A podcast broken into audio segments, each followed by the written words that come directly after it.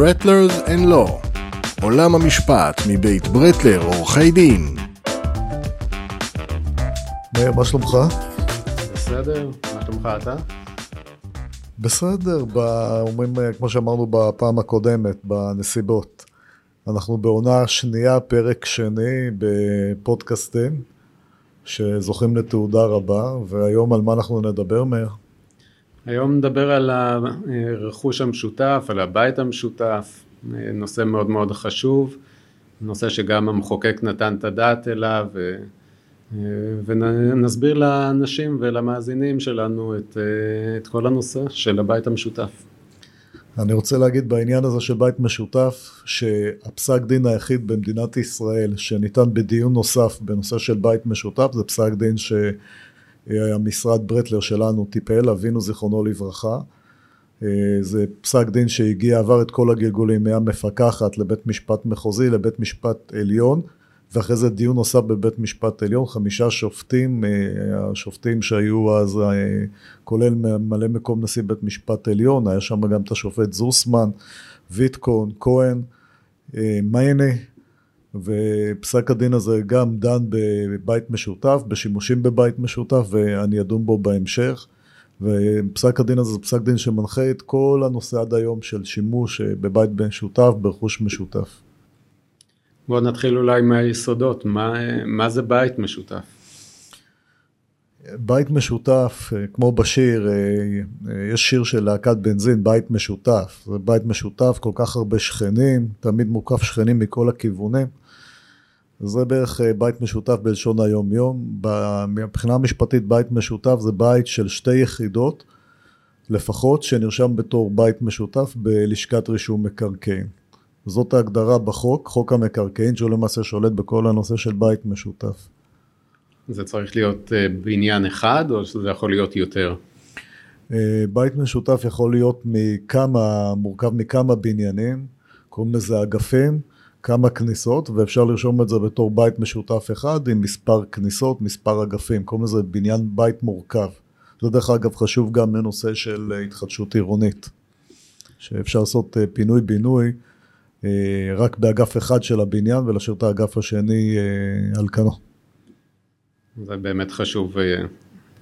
לגבי, אם אני בן אדם מהיישוב ואני רוצה לדעת אם הבית שאני גר בו הוא בית משותף או לא בית משותף, כי היום אנחנו יודעים שהרבה מהבתים עדיין לא נרשמו כבתים משותפים, איך אני יודע אם הבית שלי הוא בית משותף או לא? בעניין הזה בית משותף רושמים בלשכת רישום מקרקעין. אפשר להוציא נסח רישום מקרקעין ושם לראות אם רשום בית משותף. עכשיו כשיש בית משותף, כל יחידה בבית המשותף, במקרה שאנחנו, לדוגמה, זה דירה, יהיה לה מספר של תת חלקה. ואם הדירה של הבן אדם היא תת חלקה אחת, חלקה 4581, גוש 4581 חלקה 100, תת חלקה אחת, ברגע שיש את הרישום תת חלקה אחת, זה סימן שנרשם בית משותף. יש, אפשר לראות גם בנסח, חלק יהיה רשום חלק ברכוש משותף, מה החלק, ואם יש הצמדות, מה ההצמדות. אפשר להזמין, מי שרוצה, מלשכת רישום המקרקעין, את המסמכים של רישום הבית המשותף, מקבלים אותם באופן מקוון מהיר, מהר מאוד. זה דבר חשוב מאוד, זה משהו שלמעשה לפני כל רכישת דירה אנחנו צריכים להוציא, לבדוק, לראות מה התקנון אומר, רכוש, מה צמוד לכל דירה ודירה, אבל על זה נרחיב תכף בהמשך, נכון, אני מניח. אני כשהייתי בוועדת המקרקעין של לשכת עורכי הדין, שמתי לב שיש הרבה אנשים שהמלצתי להם לעשות את זה, ואני מקווה שהצלחתי להחדיר להם את זה ל-DNA, שזה דבר, גם בבניין עם עשר קומות ומוכרים דירה בקומה חמישית, עדיין צריך להסתכל ולראות את המסמכים של הבית המשותף, להכיר אותם, לראות מה החובות שיש לבעל דירה, מה הזכויות שלו, ולראות את התסריט, אפשר ככה לראות אם יש חריגות בבנייה, הם מסמכים מאוד מאוד חשובים. היום המחוקק מגביל את לוחות הזמנים לרישום בית משותף, הכל מתוך דאגה לאזרח, לרוכש הדירה. איך זה מתבצע התהליך הזה של רישום בית משותף? המחוקק קבע את הזמנים לרישום בית משותף יחד עם זאת, יש עדיין אה, הרבה פתחים שהתקופה הזאת אפשר להעריך אותה בכל מיני נסיבות אה, כאלה ואחרות. אה, אבל כן, אה, התקופה שם, ברגע שהמחוקק קבע את התקופה, זה מאפשר לדיירים לדעת שבכל אופן יש מועד שהבית יירשם בתור בית משותף, כי לפני כן פשוט היה מצב שאנשים קנו דירות בבתים עם מספר יחידות דיור, ובמשך שנים לא נרשמו בתור בית משותף. כשהמחוקק קבע את התקופה, יש עכשיו מין תקופה, יש ודאות מסוימת שבאמת יהיה רישום כזה. והרישום מתחייב לא רק מתוקף החוזה, אלא גם מתוקף החוק. לשעתך. כן, והרישום עצמו למעשה מתבצע בלשכת המפקחת על הבתים המשותפים בטאבו. נרשם אחרי זה בטאבו, ואפשר, כמו שאמרת, להוציא נסח מרוכז ולראות שנעשה רישום כמו שצריך. כן, אנחנו, לא כולם יודעים לרשום בית משותף, יש הרבה אנשים שמפחדים מהרישום הזה, רואים בזה הליך מאוד אה, אדמיניסטרטיבי ומורכב לפעמים. זה מערב גם בעלי מקצוע שהם לא עורכי דין, כמו אה, מודד, אה, עורך תסריטים, אבל אה, זה תהליך, אנחנו מומחים בתהליך הזה. רשמנו אלפי אה, בתים משותפים כבר בארץ. זה מאוד חשוב. יש לנו אה, התקנון למשל שמגדיר את הזכויות ואת החובות. בתקנון הזה אפשר להעניק לאנשים זכויות רבות מאוד ששוות הרבה מאוד כסף.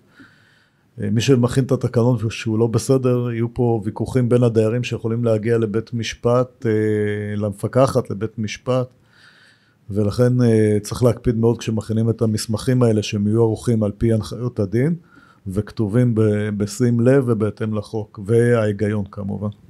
ללא ספק עריכת אה, תקנון זו, זו אומנות בפני עצמה וצריך הרבה ניסיון, אה, משהו שאנחנו אה, מקפידים אצלנו במשרד לערוך אותו ולסדר ולהכניס ולהתאים אותו לכל השינויים שנמשיך, נדבר עליהם גם בהמשך, לעניין רכבים חשמליים לדוגמה וכל מיני נושאים חשובים שעדיין לא הוכרעו בדין אבל אנחנו מנסים לצפות פני עתיד ומכניסים את זה לתוך התקנון שזה הסכם מחייב בין בין הדיירים. אחרי שהבנו את ההגדרה מה זה בית משותף, אה, מה כולל בית משותף? בית משותף בבסיס ועל פי חוק המקרקעין כולל אה, מספר רכיבים. הרכיב הראשון זה היחידה עצמה. אנחנו מתייחסים כרגע לדירות, זה גם יכול להיות אה, מבנה מסחרי, זה יכול להיות מפעל, מפעלים. אנחנו מתייחסים כרגע לצורך הדוגמה לדירות, אז בית משותף כולל את היחידה עצמה, משרדים זה גם יכול להיות, כולל את היחידה עצמה שזאת הדירה, כולל רכוש שצמוד לדירה, שזה יכול להיות אה, חנייה, גג, גינה, ורכוש משותף, אלה חלקים בתוך הבניין שהוא אה, נרשם בתור בית משותף שלא הוצמדו לאף יחידה, לצורך העניין חדר מדרגות, קירות חיצוניים, אה, גינות, גגות, כל מה שלא הוצמד לדירה יהיה בגדר רכוש משותף. אלה, זה הבסיס של אה, הבית המשותף. יש אה, דברים שאי אפשר להצמיד לדירה?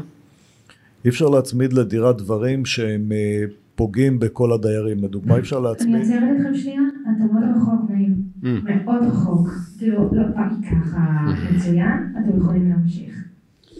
בסוף תהיי מומחית בבתים משותפים.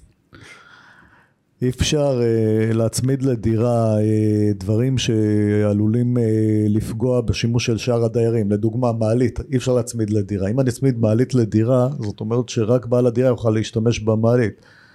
לא, אי אפשר להצמיד uh, לדירה מקלט שנועד לש, לשמש את כל הדיירים. האנשים ירצו להיכנס באזעקה למקלט ולא יוכלו כי בעל הזכויות נעל את המקלט. לכן אי אפשר להצמיד כל דבר לדירה. ולגבי הרכוש המשותף, איך אנחנו יודעים מה החלק של כל דייר ודייר ברכוש המשותף? כמו שאמרתי, אפשר לראות את זה בנסח. ליד כל דירה צריך להיות רשום החלק שלה ברכוש המשותף. איך מחשבים את החלק ברכוש המשותף? אני אגיד את זה אולי בצורה פשוטה, לא לסרבל כרגע. זה שטח הדירה חלקי שטח כלל הדירות.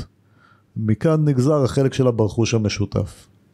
כמובן שצריך אולי להזכיר שזה, אלה הוראות החוק, אבל אפשר לשנות בהסכמה, זה תקנון אפשר אה, לשנות את החישובים, כל עוד אין סתירה עם החוק עצמו, אפשר לקבוע חלקים אחרים. מה ניתן להצמיד? דיברנו קודם, אמרת את החניות, למשל, גינות וכיוצא בזה. מה קורה אם יש לנו שני אגפים או יותר בבניין?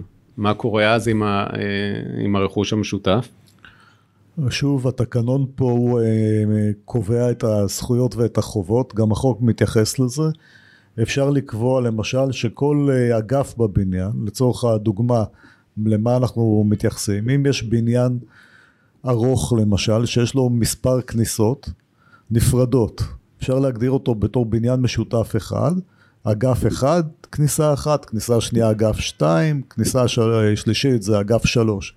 אפשר לקבוע למשל שהרכוש המשותף בתחום כל אגף שייך לאותו אגף בלבד, הוא אחראי לרכוש המשותף הזה. והרכוש המשותף שהוא משותף לכלל האגפים זה רכוש משותף של כל בעלי האגפים ייסעו בו במשותף. לדוגמה, שביל, אם יש שביל גישה אחד לשלושת האגפים, זה רכוש משותף של שלושת האגפים. מצד שני, גג של אגף אחד, יהיה, יהיה, רק הדיירים באותו בניין יהיו אחראים לגג שרק הם ישתמשו בו, והוא משרת רק אותם. מה קורה אם אחרי שאנחנו, דיירים קיבלו חזקה בבניין, בדירות שלהם, ומישהו מהדיירים רוצה לצורך העניין להתקין דוד שמש, קולט שמש, מה, מה קורה אז? הוא יכול לעלות לגג ולהתקין? יש כזאת אמרה שיותר טוב שכן קרוב מאח רחוק. אני יכול לשכלל את האמרה הזאת ולהגיד שסכסוכי שכנים זה כמו uh, תיקי גירושים. Uh, אני הייתי uh, עורך דין בכמה תיקים כאלה, שבכולם גם זכינו את מי שהצגנו אותו, חייב להגיד בכל הצניעות, אבל uh, זה סכסוכים מאוד מאוד קשים, שעלולים, uh, יש להם השלכות uh, ממש נפשיות על האנשים, מאוד קשות. החוק אה, מנסה כמה שיותר אה, לקבוע את הכללים. אנשים יצמדו לכללים, אז אה, יעשה את החיים יותר פשוטים. ואחת מהבעיות שהתעוררו בארץ זה נושא של דודי שמש. בית שהוקם בלי דוד שמש, אפשר להתקין בו דוד שמש, ואחד הדיירים רוצה להתקין דוד שמש, מה קורה? אחרי הרבה מאוד סכסוכים ומריבות, ומריבה כזאת שנראית שולית יכולה להתלהט. נקבע בחוק שאם הגג הוא, הוא גג משותף, זאת אומרת הוא לא צמוד לשום אה, דירה, אפשר להתקין במקום סביר דוד שמש, ובלבד וההתקנה אה, תהיה סבירה, אה, הוא לא יפריע לשימוש הרגיל של האנשים, ויש אישור שהוא הותקן כדין. ואז אפשר להתקין את הדוד שמש גם בלי הסכמה של כל הדיירים. להתקין את זה על הרכוש המשותף. כן, במקום סביר. אבל אז יש, מה קורה במצב שיש לצורך העניין נזילות, נגיד מהדוד, וגורם נזק לדירה מתחת, מי נושא בזה, מי אמור אה. לטפל בתקלות האלה? לדעתי בעל הדוד אה, הוא זה שצריך לטפל בנזקים שהדוד שלו גורם.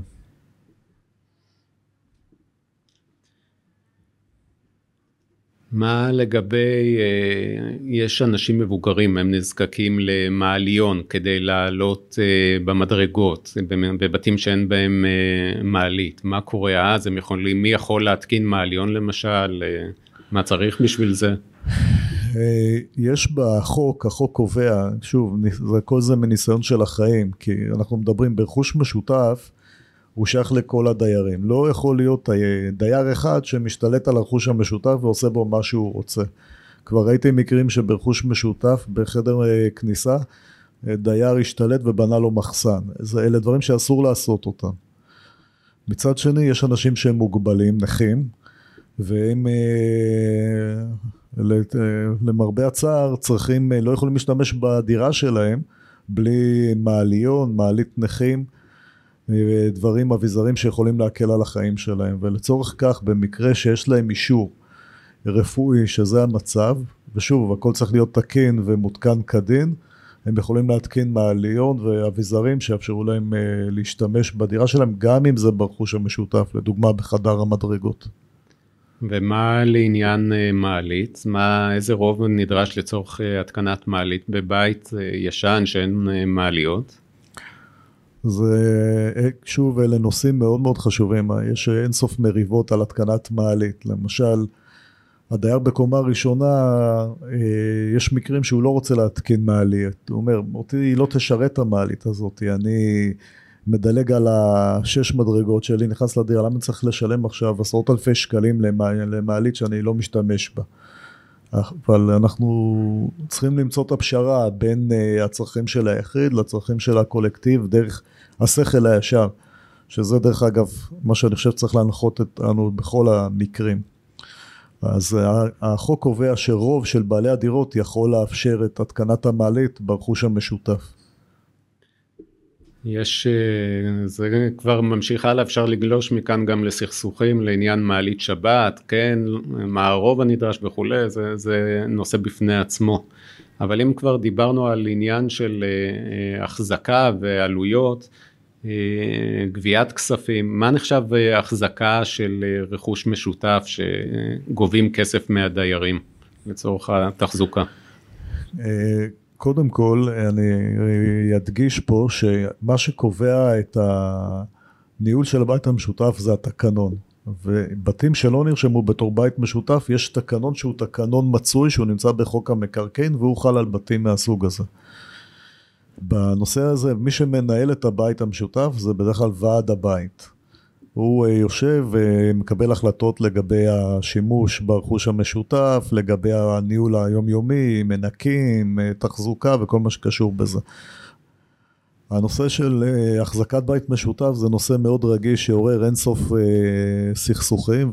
לאחרונה ניתן פסק דין שמגדיר מה, מה אפשר לחייב דייר, מה זה החזקת רכוש משותף, מה זה שיפורים ברכוש משותף.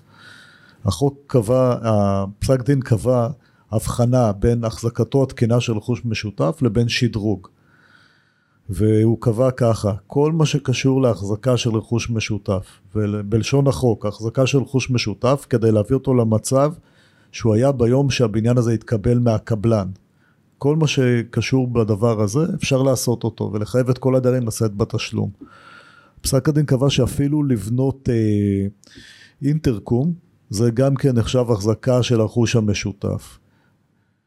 אה, הוא קבע פסק הדין שלאור הזמן שאנחנו מתקדמים עם הזמן והדברים משתנים ומשתכללים, ייכנסו יותר ויותר דברים לגדר החזקתו של הרכוש המשותף. והחזקת רכוש משותף זה לא מוגבלת רק לתיקונים, זה מה שיש פה דגש שצריך לשים לב עליו. לא רק לתקן אבן שנפלה, אלא ממש להחזיק ולטפל בבית המשותף גם מבחינה קוסמטית. שדרוג לעומת זאת, מה שהפסק דין הזה הבדיל, ששדרוג זה דברים חדשים שלא היו פעם, או שלא ממש אה, קשורים להחזקתו של הרכוש המשותף. וחשוב מאוד שנטל ההוכחה במקרה הזה זה על הנציגות. זאת אומרת, הנציגות צריכה לבוא ולהוכיח שמדובר בהחזקה של רכוש משותף ולא בשדרוג. והזכרנו קודם את נושא הרכבים החשמליים. היום בהרבה בניינים מכניסים את העניין הזה, יש צפי שהרכבים בעתיד יהיו רכבים, רובם יהיו חשמליים. מה קורה, איך, איך עושים את זה, איך מוסיפים היום את המערכות, מה נדרש בשביל זה? קודם כל אני מפנה את המאזינים שלנו למאמר שכתבתי, התפרסם באתר וואלה בנושא הזה, זה מאמר שעורר הרבה עדים. יש כמה סוגים של מתקנים של הטענה של רכב חשמלי, חשוב לדעת. יש כל מיני חברות, יש בזה כל מיני אה, עניינים, למשל אופן מדידת החשמל, הצריכה, החיבור, החישוב של אה, כל דייר, מה הצריכה שהוא ישתמש, שעות ההפעלה.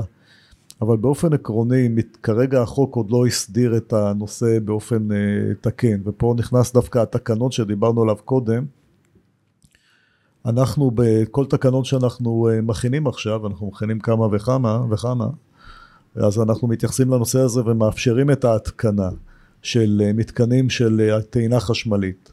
במקום שזה לא מוסדר, אה, מתקנים של טעינה חשמלית מצריכים פעולות ברכוש משותף, גם בהעברת הכבלים, גם בהתחברות לחשמל, גם בהתקנת המתקן עצמו ליד הרכב.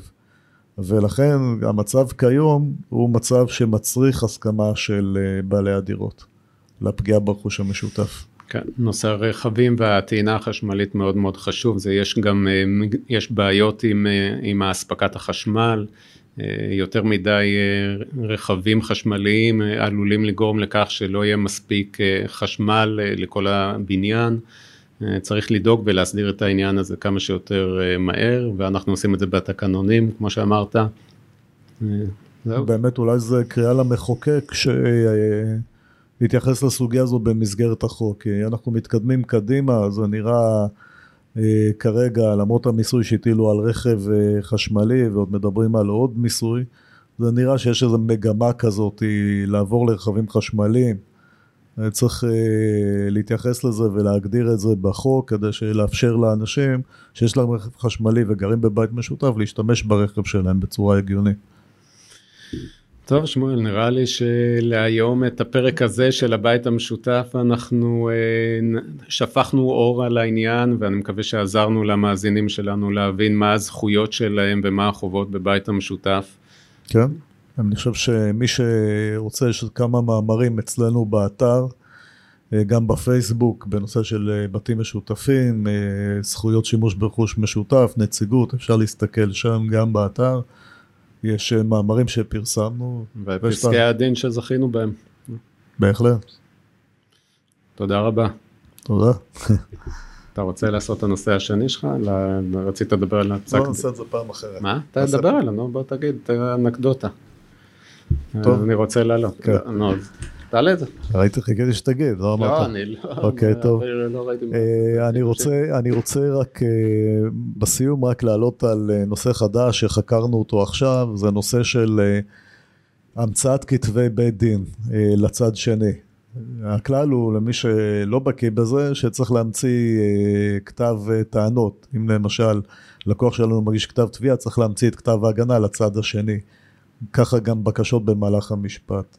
והשאלה שהתעוררה, מה קורה, איך ממציאים את הכתבי טענות למישהו שהוא נעלם, שלא מוצאים אותו, שהוא מתחבא, או שהוא נמנע מלקבל את הדברים. ויש עכשיו פסיקה חדשה שאפשר להמציא כתבי טענות גם באמצעות הוואטסאפ, ואפילו באמצעות מדיה חברתית. ואין ספק שהדבר הזה מהווה סוג של מהפכה, אנחנו כבר היה לנו פודקאסט על ה-AI, אינטליגנציה מלאכותית, על איך אנחנו עובדים בצורה מתקדמת. אה, והנה אנחנו רואים שגם המשפט שהוא בדרך כלל מערכת שמרנית מתקדמת ומתאימה את עצמה לחיי היום יום. אנחנו כבר השתמשנו בחידושים האלה ועשינו המצאות כאלה של כתבי בית דין ואני מברך על כך. ללא ספק זו התקדמות אה, מרשימה אה, וזה טוב שכך. תודה על, על העדכון שמואל. תודה, ונשתמע בפעם הבאה. פרק שלוש. תודה שהאזנתם לעוד פרק בפודקאסט מבית ברטלר, משרד עורכי דין. לשאלות נוספות מוזמנים לבקר גם באתר המשרד, ברטלר, מקף לא, co.il.